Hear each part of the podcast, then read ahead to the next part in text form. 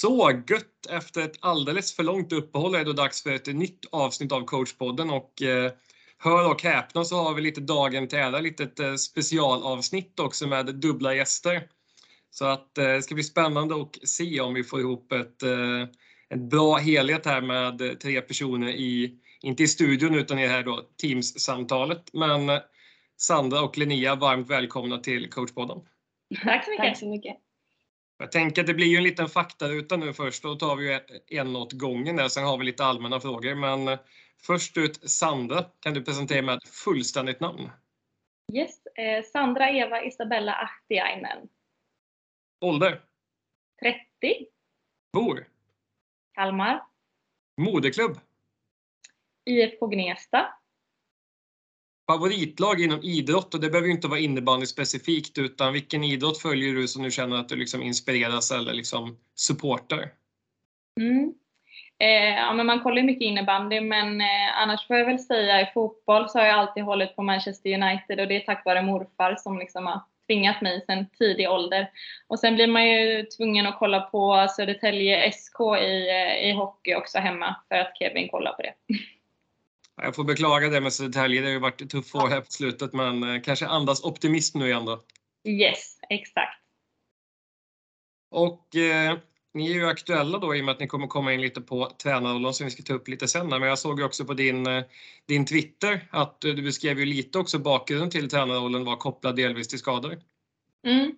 Ja, precis. Jag har väl dragits med, eh, med tre korsbandsskador med också komplikationer däremellan med flera operationer. Så att det, det har väl någonstans också bidragit till den här motivationen till att ta det här uppdraget. Liksom och, ja, väldigt hedrande uppdrag att få när man har haft en liksom, tung bakgrund i, i innebandyn. Nej, och det är ju, jag kan känna igen flera personer som också haft liknande delar, att man har kommit in via skada eller så. Så att eh, fantastiskt kul att eh, ta det steget över till tränarrollen och du kommer ju ha en ledarkollega med dig då, Linnea. Ja. och eh, då kör vi då samma fakta utan på dig så du får också presentera dig med fullständigt namn. Linnea Maria Sandström. Ålder? 21. Bor? Kalmar. Det var ganska praktiskt att ni bor på samma stad med tanke ska träna samma lag där. Men eh, moderklubb? Guif Umeå IF. Och vad är dina favoritlag? Ja, eh, i innebandy, alltså när man kollar innebandy så är det väl främst FBC Kalmarsund, måste jag säga. Och då får jag väl tillägga att det är väl herrlaget där främst. När man ändå har en sambo som spelar där. Eh, men sen har man också blivit en nybliven eh, Kalmar FF-supporter nu när man bor här i Kalmar. Så att, eh, ja, jag får väl säga dem. det är klok, kloka och bra val, praktiskt också. Ja. Har ditt steg över till tränarkarriären liksom här som inleds nu, vad, har det varit kopplat till skada eller något liknande eller var det bara liksom en fantastisk möjlighet som du ville hänga på? Ja, alltså det är väl främst en möjlighet som jag känner. Men eh, när jag slutade innebandy så var inte det på grund av någon skada eller så, utan det var väl mer främst motivationsbrist helt enkelt. Eh, och det är så himla kul att man har fått tillbaka det på något vis och jag menar att jag får göra det tillsammans med Sandra. Så det ska bli skitkul. Verkligen. Det ska bli otroligt kul att följa för det var ju då presenterades på Twitter här för några dagar sedan som nya tränare för, ni får rätta mig om jag fel nu, men CL 98 och JAS-laget där. Mm, stämmer. Det stämmer bra. Kan vi förtydliga också, det var väl i DJ 18-klassen då? Yes, exakt. Vad, vad visste ni om det här laget nu innan ni blev klara som tränare? Nej, alltså inte mycket alls egentligen. Eh, Nej, det är egentligen helt nytt. Alltså vi CL98 som förening, absolut, har man ju hört. Och man känner någon som spelar i damlaget och sådär. Eh, men liksom med JAS-lag och sånt, det är helt nytt för mig överhuvudtaget skulle jag säga. JAS fanns ju inte riktigt på min tid om man ska säga så. Så det är väldigt nytt för mig i alla fall. Mm. Eh, jag själv hade väl hört lite om deras JAS-lag och att det ändå hade gått ganska bra för dem. Mm. Eh, men man har väl inte haft någon större koll egentligen. Men ja, det är på den vägen där. Mm. Jag tänker när de skulle sälja in att ni skulle jobba ihop som tränarduo. De som ställde frågan, vad var det de eh, hade för plan kring, kring att para ihop er som ledarduo? Ja, det var väl egentligen, jag hade fått frågan innan om jag ville spela. Eh, men just det här med, jag kände att jag, jag har precis fått ett nytt jobb där jag jobbar skift så att det kändes som att det kanske inte riktigt passade. Eh, och Sandra fick då frågan om hon ville träna. Eh, men vi båda, ja, som vi kanske nästan alltid gör, tar beslut ihop. Så kom vi fram till att vi, om vi ska göra det ihop så ska det antingen vara båda på planen eller vid sidan om. Eh, och då blev det att vi la fram det förslaget. Mm. Det var ju Johan Wittberg som ringde en dag bara och, och frågade och, och jag tyckte jag tog det nästan lite på skämt sådär, skrattade och bara nu skojar du liksom. Och sen så ringde jag Linnea och bara eh, jag tror att Johan Wittberg kommer ringa dig också snart. Och sen pratade vi väl lite om det tillsammans också och skrattade åt det bara ja fast vad tycker du? Ja men det låter kul. Ja men vad tycker du? Ja men jag tycker också det. Så att det blev lite som att så här, det kanske togs först på skämt till att så här, nej men gud vi kör. Fan vad skoj liksom. Mm. Hur bra kände ni varandra sedan tidigare? Var det att eh, ni hade koll på varandra eller liksom var det en, eh, att ni varit polare länge? Alltså, man kan väl nästan säga att jag och Sandra bor ihop. Mm. Lite så. Eh, våra sambos hänger jättemycket ihop utanför planen. De spelar ju ihop i FBC Kalmarsund. Eh, så vi, vi är två spelarfruar som hänger utanför planen när vi har fritid. Vi tränar ihop och sådär. Så att vi, vi är jättenära utanför. Så att, eh, det känns inte... Jag skulle inte ha gjort det här med någon annan utan det kommer bli skitbra. Och det roliga är att eh, våra sambos känner ju varandra sedan innan, sedan Salem-tiderna. Mm. Eh, men jag och Linnea kände ju inte varandra då, hade ingen aning om vilka vi var för att Linnea bodde i Umeå och jag i Södertälje. Men vi båda flyttade ner samma år och då träffades vi men det var inte helt självklart att man ska tycka om varandra bara för att våra sambos är kompisar. Men vi hittade varandra ganska snabbt trots åldersskillnaden om man får säga så. Ibland känner jag mig som mamma till Linnea liksom åldersmässigt. Eh, men vi har verkligen hittat varandra så det var så roligt att, att ta det här uppdraget tillsammans. Och vad tänker ni då att eh, vad vill ni bidra med eller liksom jobba och utveckla med det här laget?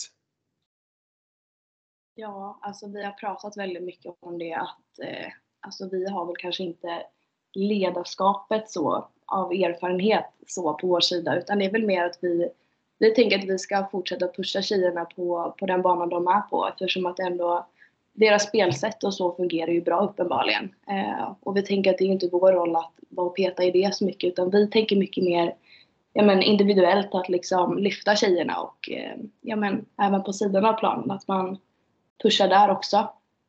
Mm, exakt.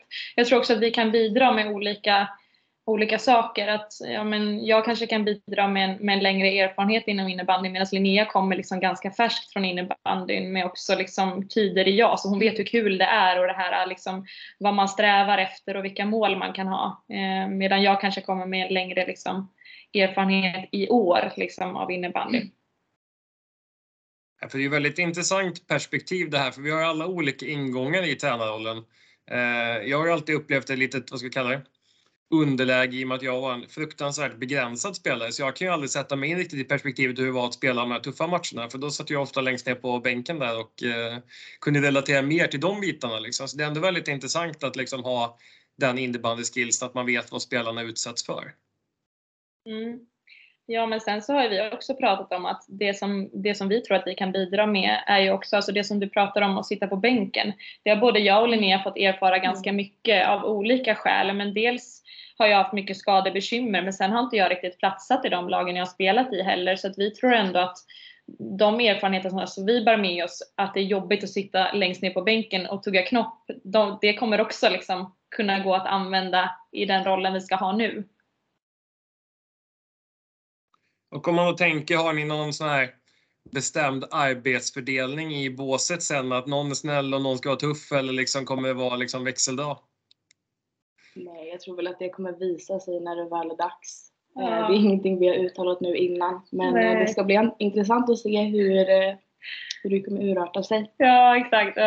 Alltså vi båda har ganska liksom hett temperament skulle mm. jag vilja påstå. Alltså, I alla fall om man tänker när vi kollar på liksom våra sambos när de spelar och hur frustrerande det kan vara när man, man vet att de kan så mycket och sen så går det liksom inte som man vill. Och då, ja, vi båda kan ju skrika till lite där men då får man ju kanske hjälpa varandra att lugna sig lite. Ja. ja. Ja, men det är kul, man eh, måste ju brinna för det lite också annars blir det ju tråkigt om man eh, är likgiltig inför vad som än händer på plan där. Så att, äh, men jag hyllar lite temperament där. Det, det behövs i sporten. Mm. Men eh, eh JAS-lag och sånt där är alltid lite speciellt olika i föreningar. Kommer det vara liksom att ni har x antal, antal träningar och jobbar med laget och någon match eller kommer det vara mest en matchmiljö? Alltså vi har ju lite begränsat så att eh, de utgår ifrån ett, ett division 1-lag tjejerna. Eh, mm. Och sen kommer det vara ett separat JAS-lag för de som har åldern inne. Eh, så det blir, ja, nu vet vi att det är en, en träning i veckan. Mm. Eh, och sen vet man inte om det kanske blir förberedande sen om man tar sig till festen och sådär. Mm. Eller om när vi tar oss till festen ska Exakt. jag säga. eh, ja, och så är det ju en match i veckan. Mm. Men eh, ja, jag tänker på träningar och så, så vill man ändå fokusera väldigt mycket på, på just matchspel. Mm. Eh, det är någonting jag själv tycker är väldigt, väldigt viktigt att göra på träning. Mm, absolut. Det är ju faktiskt nästa fråga, att, eh, vad tycker ni definierar en bra träning? Ja, men alltså när man, också, när man bara har en träning i veckan så kanske man måste maximera den och då tänker jag väl att det man gör på träning gör man på match. Så att vi vill väl ha ett, ett, ett liksom fartfyllt spel, kanske fartfyllda övningar med mycket liksom passningar, skott eh, och sen också mycket spel. Men vi kommer ju också behöva jobba på liksom sådana grejer som vi har pratat om är ganska viktiga, special teams och även typ frislagsvarianter och sånt. Det tycker vi båda är ganska eh, roliga aspekter av innebandyn och också viktiga att liksom, för det är ju en fördel om man kan skaffa sig liksom under en match. Eh, ett powerplay är en jättefördel eller ett frislag framför mål kan liksom leda till ett mål när det är två mm. sekunder kvar. Så vi, vi är ändå lite så detaljstyrda men vi tror ändå att alltså våran, i stora hela så är det väl fart och fläkt vi tänker ja. på träningarna lite sån här vriden fråga, men det är alltid kul när man har folk som har spelat. Men om ni skulle ta er själva som spelare, hur hade ni passat in i det spelet som ni tänker att ni vill spela med de här tjejerna som ni ska coacha nu? Ja, vad säger du Sandra? Jag själv eh, var ju målvakt så att jag gillade ju väldigt mycket det offensiva spelet även fast jag var målvakt. Eh, mm. Det är ju klart att eh, jag gillade att kasta långt så att jag gillade det här snabba, snabba vändningar och, och sådär. Så att eh, ja, jag har väl det i mig fortfarande att jag vill, vill få den här pressen att det, liksom, det ska gå fort och man ska, man ska ta sig framåt. Och många tävlingsmoment tyckte jag var roligt om jag ska tänka så. Alltså jag är ganska liksom, mycket vinnarskalle av mig. Jag tyckte nog om att liksom, tävla, alltså tävla i det mesta man gjorde. Liksom. Om man hade någon skottövning så körde man kanske ena sidan mot den andra eller att man valde ut en, en motståndare. Att ah, men du och jag kör liksom. Eh, vi kollar vem som gör flest mål så många tävlingsmoment. Eh, om jag ska tänka mig som spelartyp. Eh, ja, alltså jag är ju en fotbollstjej från början. Jag spelade fotboll i tio år innan jag började med innebandy ganska sent.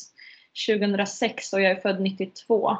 Så att eh, jag vet inte vad jag ska säga att jag är för spelartyp, men jag hade väl en ganska bra spelförståelse kanske. Och det kommer väl ganska naturligt när man har spelat fotboll, tänker jag. Ehm, ja. Ja, men det ska bli spännande att följa för det är, ofta blir det ju så de här juniormatcherna att det är ju ofta två lag som vill 110 eh, framåt så det kan ofta bli de här klassiska kontring på kontring på kontring liksom så att eh jag, tror, jag tror, att det är rätt melodi att gå här. Det är, det är alltid kul att försöka bromsa upp lite så här yngre taggade lag. Det brukar vara, brukar man få kämpa lite. Ja, exakt. Men eh, den här serien ni kommer att spela i, om jag läste in det här rätt så spelar väl ni i grupp F2? vet ni det? Ja, det vet jag. Ja, det stämmer. Ja, men det var ju lite special där, för det är dubbelmöten mot några lag och enkelmöten mot några andra där. Är det några matcher ni känner på förhand liksom att de här ju bli fruktansvärt kul? Ja men det är väl, eh, det är väl de derbyna som finns då. Ja. Och det är väl Kalmarsund och Växjö. Är Växjö med i serien? Det är de väl? du hör ju hur bra koll vi har. Ja. Men eh, jag ser även fram emot att få åka på bortamatcherna. Alltså ja. jag tror att det kan vara det kan vara roligt bara i sig att få åka iväg och spela. Jag vet själv, även fast man, det är drygt att sitta och uh, sitta på en buss i flera timmar men jag vet inte, det är något speciellt med det. Jag mm. saknar det lite att få åka iväg sådär. Ja, och där får man även tid, alltså till, alltså jag och Linnea får kanske tid också för att liksom, ja, men förbereda lite inför de matcherna som vi har. ju längre tid man har på bussen desto mer taktik kan vi liksom snacka ihop oss. Så det är mm. nog bara positivt med de bortaresorna. Men för att svara på din fråga så är det väl de derbymatcherna som man ser Ja, mest fram emot, där det är lite heta känslor liksom. Sen ser vi fram emot alla matcher för att det är så nytt för oss. Ja. Så att eh, första matchen kommer ju bli jättespeciell. Vilka vi än möter kommer ju det vara liksom eh, nervositet och så mycket liksom. Eh, ja, men vi längtar ju verkligen liksom. Mm. Nej, men det är kul. Det är framförallt också, just som ni nämner, ofta blir det ju de här gamla klassiska kan tänka mig, sa väl det förut där. Jag, jag, men jag är ganska säker på att ni har Växjö i serien. Det är väl också sånt där klassiskt eh, Smålands derby oavsett om det är herr eller dam eller junior eller ungdomsmatcher. Exakt. Jo, men verkligen.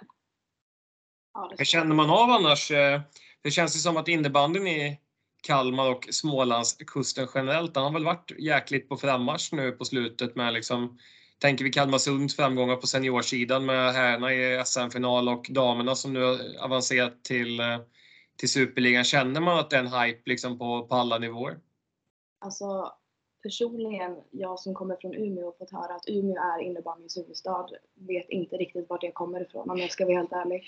Eh, när jag flyttade hit så helt plötsligt så började folk känna igen min sambo. De kunde känna igen mig fast jag inte har någon koppling till innebandyn här innan.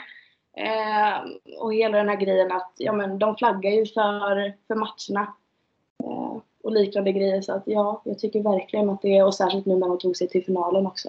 Mm. Så ja, det har blivit stort här och det är skitroligt. Mm. Men jag kan bara instämma och det känns som att folk här liksom lever innebandy. Det är många liksom, ja men, som, ja men som Linnea säger, som hälsar på ICA Maxi på både mig och min sambo. Och jag bara, vem var det? Ja men det vet inte. Någon, säkert något fan. Ja, Okej, ja. Och som Linnea säger, man liksom höjer flaggorna när det är matchdag. Alltså det, det verkligen märks. Det är liksom någon slags eh, kultur här. Eh, jättehärligt verkligen. Och jag tycker även fast, alltså här har de ju ändå, de har ju ändå Kalmar FF som, Mm. men, det är många supporters hos dem också såklart. Men det märks inte på samma sätt. Och menar, i Umeå så hade de ju Umeå FC också men ja, nej. Innebandyn har inte varit lika i framkant där ska jag säga om jag får jämföra faktiskt. Mm. Nej, För det är ju intressant om man tittar. Jag har också hört just eh, Umeå och Uppsala brukar ju också nämnas i de sammanhangen. Men det är också att det är väldigt, väldigt många bra lag samlade på väldigt liten yta. Så det blir kanske inte så tydligt heller vilket lag man ska supporta. Det kan jag tänka mig kanske just nu ska vi inte prata Kalmarsund när vi har CL 98 här, men eh, det är ändå intressant att liksom se att det kanske liksom blir ett tydligare varumärke att följa. Liksom. Mm. Ja, det är klart. Det blir ju, man har ju inte så mycket att välja på om man säger så. Nej. Men ja, det är klart att har man ett lag som lokalt går väldigt bra så blir det ju, det är bara att kolla på mig. Jag hejar på Kalmar FF fast jag är från Umeå liksom. Mm. Ja, exakt. Så att, eh, ja, Absolut. Men det är jätteroligt verkligen. Mm. Men på ja-sidan då hejar man ju på CL 98 såklart och inte Kalmarsund. Precis, det måste vi förtydliga. Ja, det, då det är det förtydligar. CL98. Ja, ja. Jag tänkte, jag nämnde ju lite här förut att eh, många utgår från just eh, damlaget och det är ju ett väldigt intressant perspektiv det här liksom att eh, när ska man ta steget upp i damlag och seniorspel och sådana här saker att eh, när man är rätt i ålder liksom att tror ni att det är en fördel att man kommer tidigt upp i seniormiljöer? Det är så roligt att du ställer den här frågan för vi, vi har faktiskt diskuterat det lite att eh, ja, men jag personligen har varit med om det eh, och diskuterat mycket om det här. Jag kommer ihåg att eh, när jag gick mitt eh, första år på gymnasiet så fick jag frågan om att gå till X ungdom i Allsvenskan från division 1, eh, min moderklubb. Eh, och jag kommer ihåg att min nio-tränare tyckte att jag absolut inte skulle tacka ja.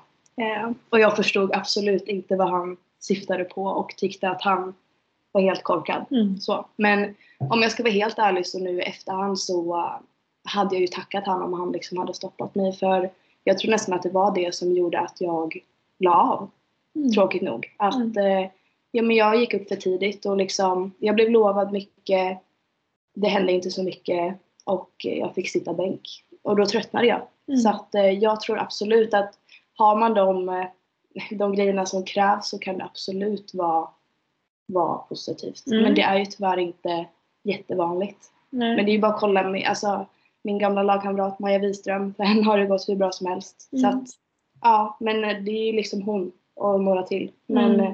ja, jag skulle nog hellre se att man, man spelar och utvecklas ett tag i, i en lägre division och sen går upp när man är redo. Mm. Men jag kan bara instämma. Alltså det låter ju väldigt klokt. Nu har inte jag varit med om det här själv liksom, men eh, men det är nog som du säger, man kan ju inte generalisera och säga att det kommer gå bra för alla och inte heller åt andra hållet att det kommer gå så som det blev för Linnea, att hon till slut liksom la av för att det blev så tråkigt. Men det är ju jättesynd om, om det blir så att man går upp alldeles för tidigt, blir lovad massor och sen får man ändå sitta längst ner på bänken och tröttna på den sporten som man liksom älskade mest av allt. Det är kanske svårt att hitta tillbaka då. Vissa kanske har turen att man gör det, men det är inte alla som kan eh, vända den liksom, eh, negativa trenden eller vad man ska säga. Sen är det intressant också för det är också en, det är väl en kamp mellan, vad ska vi kalla det, vissa personer i tränarkåren som tycker att man ska bevisa saker innan man får chansen. Medan många spelare kanske upplever att man vill få chansen innan man gör jobbet. Mm. Så det är också liksom lite så här generationsutmaningar kan jag uppleva ibland att och det här är inte specifikt för varken killar eller tjejer utan det är ju individer vi jobbar med men det känns som att fler och fler liksom vill få chansen och fler och fler tränare vill att man tar chansen. Så det känns också som att mycket handlar väl om kommunikation kan jag tänka mig också, att liksom vara, vara tydlig med förutsättningen. Mm. Och sen tror jag också det handlar lite om så statusfråga typ ibland att så här, många kanske tänker att ah, men om jag, nu har jag fått chansen här att spela med damlaget eller träna med damlaget, att man tänker att det är liksom, man får status av det, att man tänker att liksom, nu kommer alla se på mig som wow, så häftigt, hon var så ung som gick upp tidigt. Men så blir det liksom pannkaka av det hela ändå. Mm. Så att ibland kanske inte det är allt utan det kanske är bättre att då liksom få ännu högre självförtroende och liksom spela någonstans där man är trygg och sen när man liksom är mogen nog. Sen är det svårt att säga, när är man mogen nog? Ja, det vet jag inte heller. Liksom. Mm. För det jag tycker är lite kul med just eh, juniorallsvenskan, att det känns som att den är så pass populär för spelarna också så att de har också ett intresse att hänga kvar där. För mm. att det är mm. så roliga matcher och så rolig serie och liksom eh, att den, liksom, den har attraktionskraft att bromsa lite i det här att man kommer upp i seniorlaget. För man har fortfarande en, kvar, en fot kvar i juniorlaget för man tycker det är så jäkla kul att vara med där. Jag vet inte om ni upplevt något sånt just, ni kanske inte träffat laget så pass mycket än men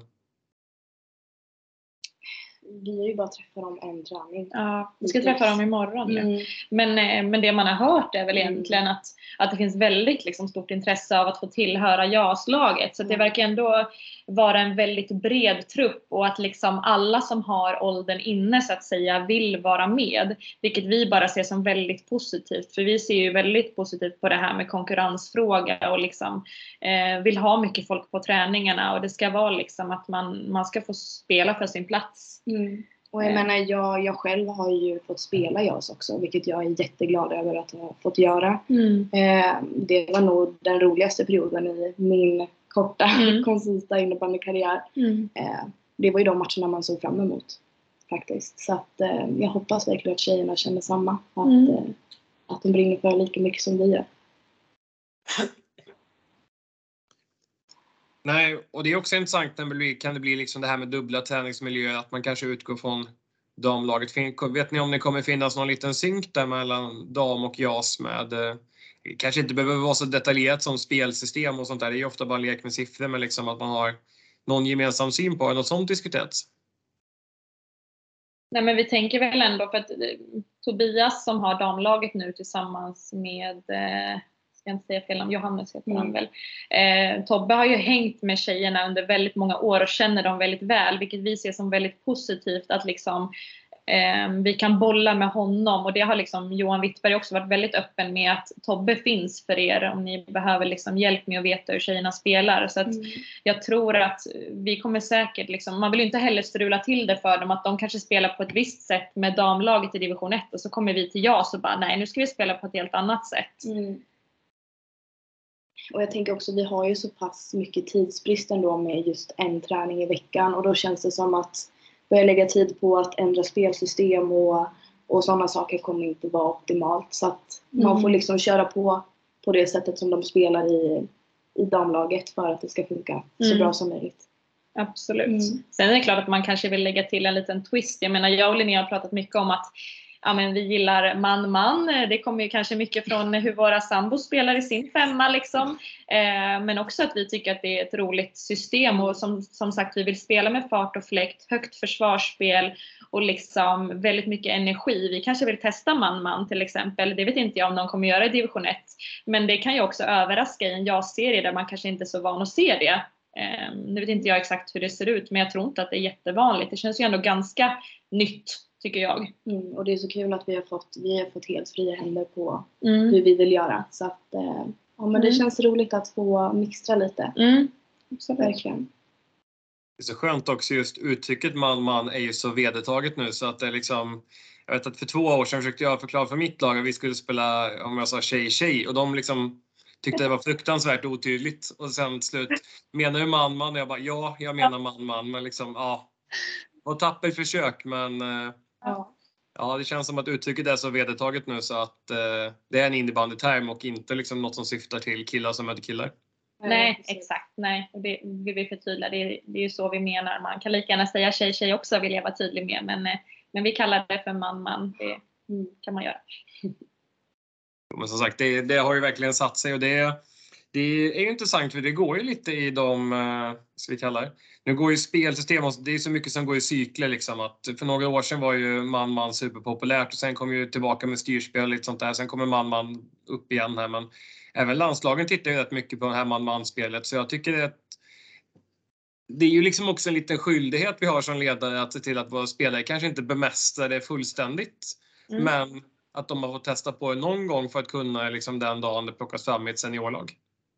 Ja precis och det kan ju också vara så här, äh, jag tänker som spelare kan det väl vara häftigt att få ett typ som ett litet uppdrag eller liksom så här äh, okej okay, tjejer nu ska vi testa på man-man. Alltså det kan bli liksom, bara det kan bli en häftig grej att så här, äh, att man känner att man har ett förtroende att spela en viss spelform, kanske för att man är en löpstark spelare. Helt plötsligt har man ju fått en roll också, vilket vi också har pratat om mm. mycket, att vi tycker att det är viktigt att liksom tjejerna känner att de har roller. Vi kanske har en femma som bara är liksom jättelöpstarka som kör man-man och vinner boll.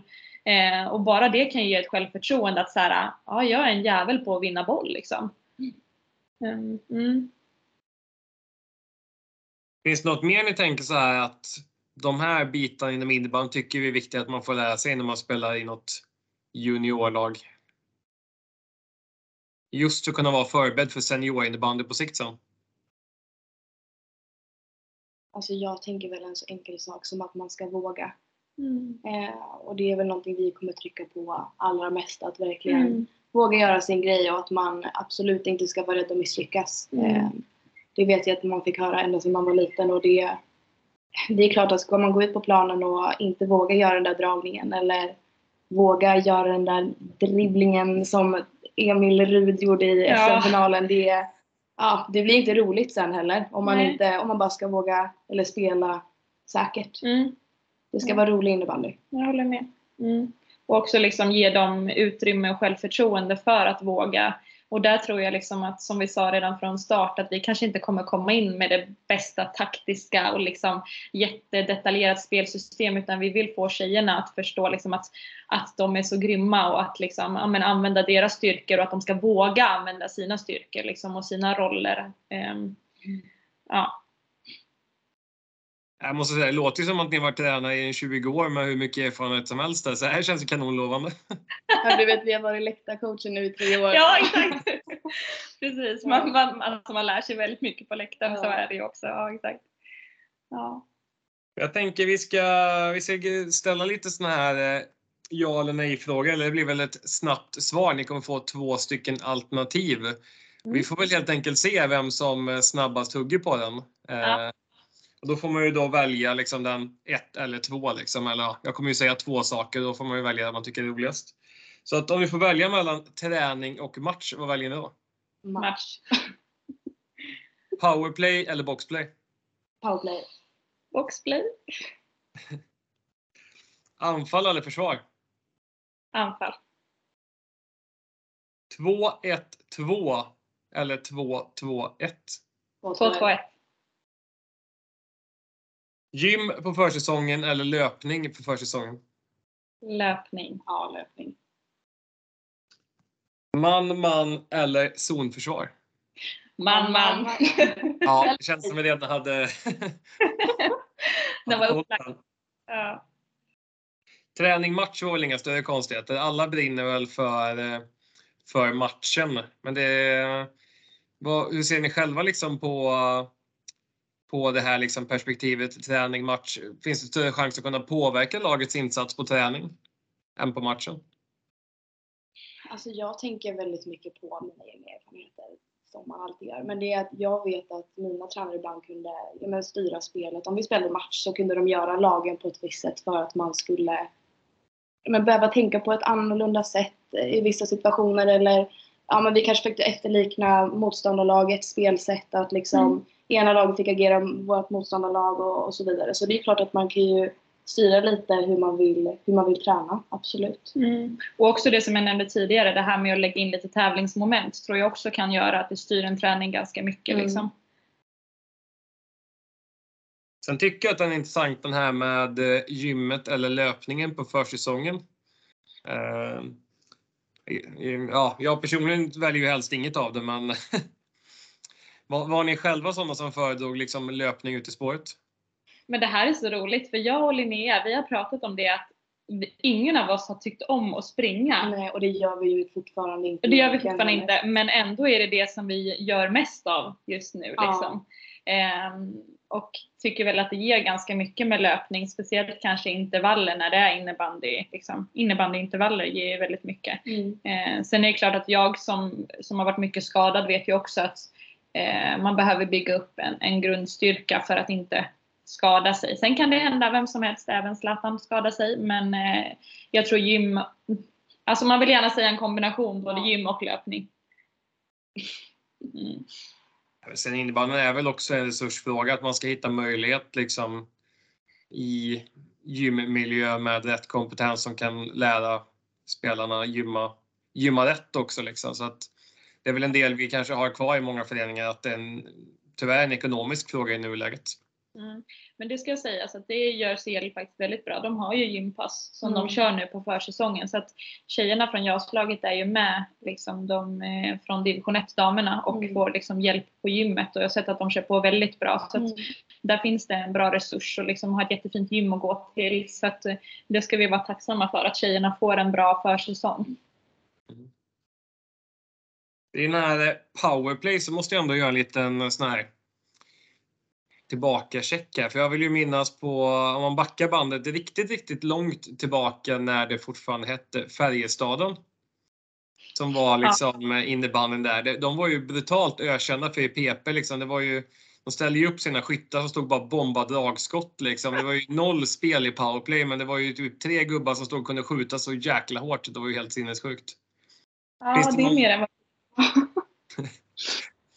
Finns det någon sån kultur kvar i liksom Kalmar med omnejd att liksom enkla PP men bara en jäkla massa dragskott?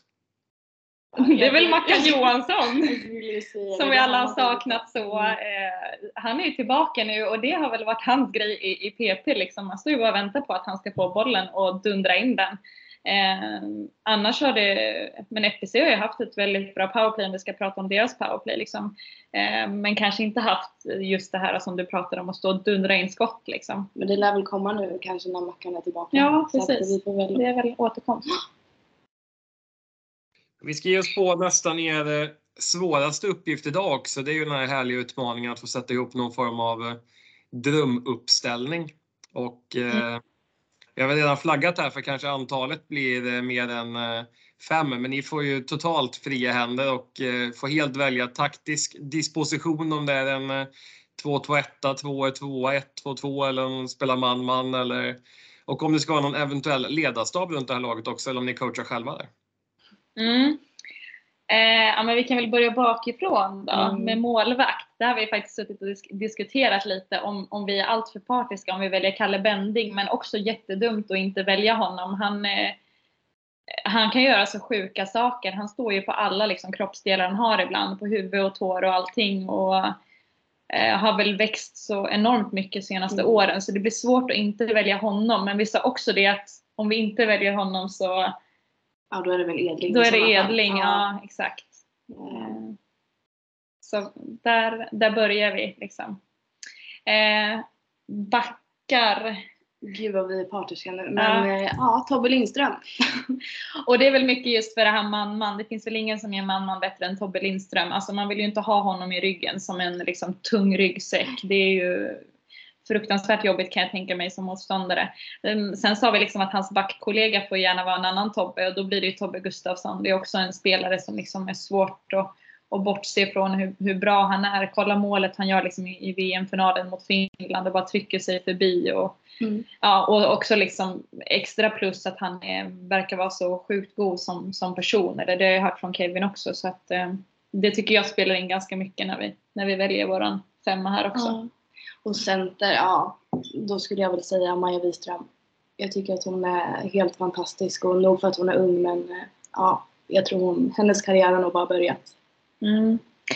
Jag var, när jag tänkte center så tänkte jag på en tjej som jag spelade med i FI Tullinge som heter Johanna Kaupinen. Eh, hon spelar nog i Storvreta just nu, vet inte om hon ska spela i år, men hon är ju tillsammans med Albin Sjögren. Men när jag spelade med Johanna Ehm, och när jag mötte henne liksom i, i laget när vi spelade på träning, det fanns ingen som var så liksom brytsäker som henne som center och som kunde lägga så sjukt bra passningar som henne och också hade ett väldigt vasst skott. Så jag skulle säga att hon är en ganska komplett center liksom. Um, som bröt mycket bollar i mitten liksom, och var en stor bidragande faktor till att vi gick upp i Allsvenskan där det året när jag spelade i Tullinge. Um, fortsätta till forwards då. ja, systrarna Kauppi kanske hade varit var det något att sätta in ja, där? Det känns och alltså, att man inte göra något annat. Nej, och, och jag som är från Finland, jag måste ju liksom stötta mitt, mitt land där känner jag. Jag är lite starstruck på de här systrarna. Jag tycker att de är helt galna. Alltså, det är liksom bara en fröjd att se dem spela. Och det, jag kan inte välja en av dem. Vi, vi måste ta båda och sätta dem på varsin kant. Men vi pratade också om att vi, eh, om vi ska välja, välja herrspelare så så har vi väl också en, en varsin och jag väljer ju Omar Aldib som jag liksom håller väldigt varmt om hjärtat. Jag har följt honom sedan han spelade i Strängnäs och liksom, han är också en sån som är bara så sjukt kul att titta på. Så mycket fart och fläkt och liksom, han kan ju bara dyka upp som gubben i lådan som han gjorde nu på SM-finalen också. Um, och sen hade väl du någon som du håller lite kärt. ja, men det är väl Hampus Arenen då, får man mm. väl ändå säga. Han har ju också följt sen, sen RIG-tiderna. Han spelade tillsammans med Albin där ju. Mm. Uh, och jag vet ju hur grym han är. Så att, uh, ja. Det är väl mm. de två som vi tänker från hemsidan i sådana fall. Ja, exakt. Uh, ledare då, vad tänkte vi där? ja, alltså. vi pratade väl om att det vore, alltså vi valde ingen ledare som någon av oss har haft utan vi, eh, vi tänkte väl på vad man har hört liksom om vilka ledare som är bra och då tänkte vi väl båda på Andreas Harnesk. Ehm, alltså det måste ju vara en så sjukt, så här, ett sjukt privilegium att ha en sån tränare som är så sjukt liksom detaljerad och insatt och ja, men du har väl berättat lite om hur, hur du vet att han har varit liksom? Ja, när han var i X jag fick ju bara höra hur mycket tid han la ner på, på träningar och hur länge han satt och kollade på matcher efterhand och sådär. Mm. Så att eh, ja, han lever ju innebandy så att eh, han hade ju varit någonting. Men sen hade ju du en liten... Ja men sen måste jag göra en instickare. Jag har ju en, en fantastisk vän eh, som också kommer träna ett jaslag, Jamonjaj, alltså en legend som kommer träna Malmös jaslag. Eh, nu har inte jag koll på om vi har dem i serien, men det är ett önskemål. Nej, okej, okay, då möter vi dem i fest. Och boka träningsmatch där. ja, precis. Absolut. Det är en jättebra idé. Ja, för, eh, ja, men dels för att träffa henne, men också så här, ah, okej, okay, vilka är bäst nu då? Så mm. att, eh, ja, nej, men, eh, och henne skulle jag lätt vilja ha som coach. Hon är ju riktigt härlig som person och verkligen så här, ah, kör bara kör liksom. Ja, vi är nog nöjda där. Ja. ja, men det var ju en eh, fantastisk samlingsspelare. Jag måste ju bara flika in också att jag hade ju förmånen att eh, se Maja Wisström live i Uppsala på, på VM som spelades där. Och det som är så coolt är ju för många kan, spelare kan ju vara så här att de är väldigt specifikt duktiga på en sak. Ni nämnde Marcus Johansson här. Alltså, den sniperförmågan är ju brutal. Eh, om man märker vilken spets. Men Maja Wisström alltså, hon är bäst på allt. det är liksom, hon, ja, bäst att spela försvar, bäst i anfall, springer mest, skjuter hårdast, dribblar mest, passar mest, vinner tekningar, boxplay, powerplay.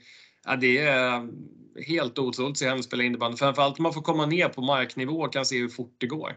Mm. Du kan ju tänka hur det är att ha spelat med henne. Man visste ju att eh, spelade hon matchen så då löser det sig. så att eh, ja, nej hon är grym. Mm. Det är kul, ni nämnde ju Harnesk här. Han är också en av de här härliga tränarna som har en förmåga att hitta åtta timmar till per dygn som vi andra normala personer inte hittar.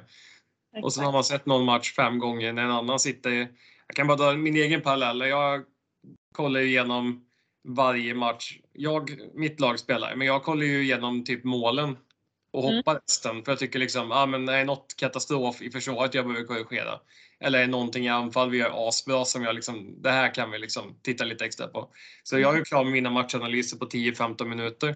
Och Ja. sån, alltså många personer skulle tycka det var sorgligt när de sitter liksom och lägger tre, tre dagar på någon match. Men jag, ja, det, är, det är så jäkla imponerande med de som har den tiden och, och koncentrationsförmågan.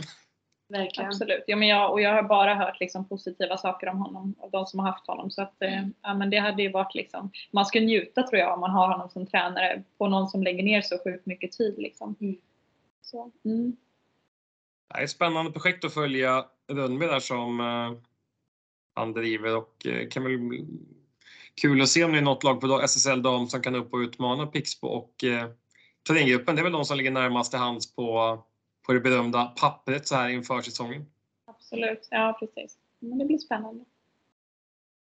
Nej, men fantastiskt kul och eh, otroligt kul att få ta del av era tankar och funderingar. Det ska bli, ska bli kul. Jag brukar säga det, det är alltid lite extra kul att följa alla personer man har haft med i podden. Nu har det blivit så många så det är många lag man ska sitta och kolla hur det går för det här. Men eh, Ja, det var fantastiskt kul att eh, få följ, följa säsongen lite och sen hoppas då att eh, ni står på innebandyfesten i Uppsala sen då, innebandyns huvudstad.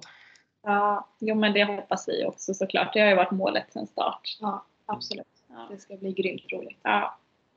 Så att med det, stort tack för att ni har tagit er tid att medverka i coachpodden. ja, men tack själv. Ja, tack så mycket.